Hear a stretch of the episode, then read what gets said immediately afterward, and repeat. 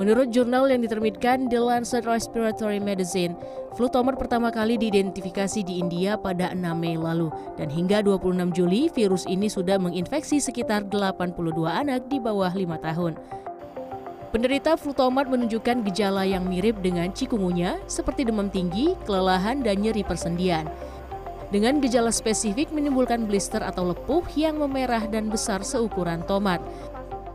Menurut epidemiolog UI Tri Yunis Miko Wahyono, virus flu tomat sangat menular melebihi virus COVID-19 namun tidak lebih berbahaya dari COVID-19.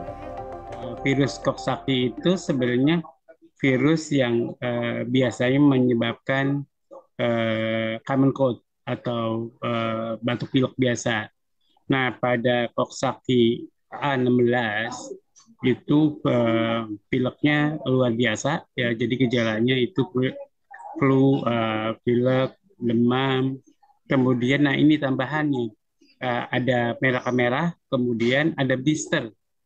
Makanya disebut flu tomat begitu. Uh, dan uh, menurut saya uh, masa inkubasinya 5 sampai 10 hari.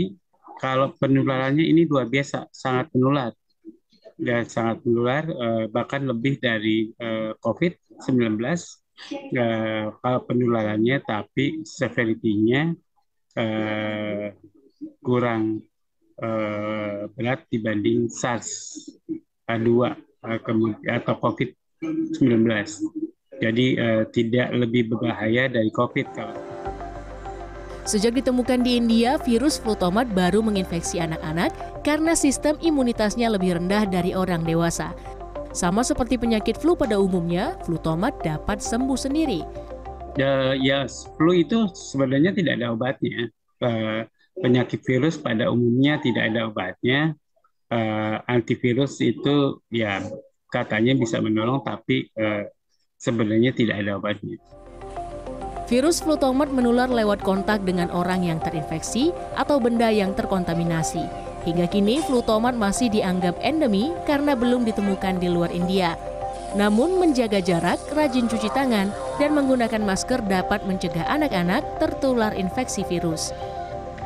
Mardotila Galuh Prestisa, Jakarta.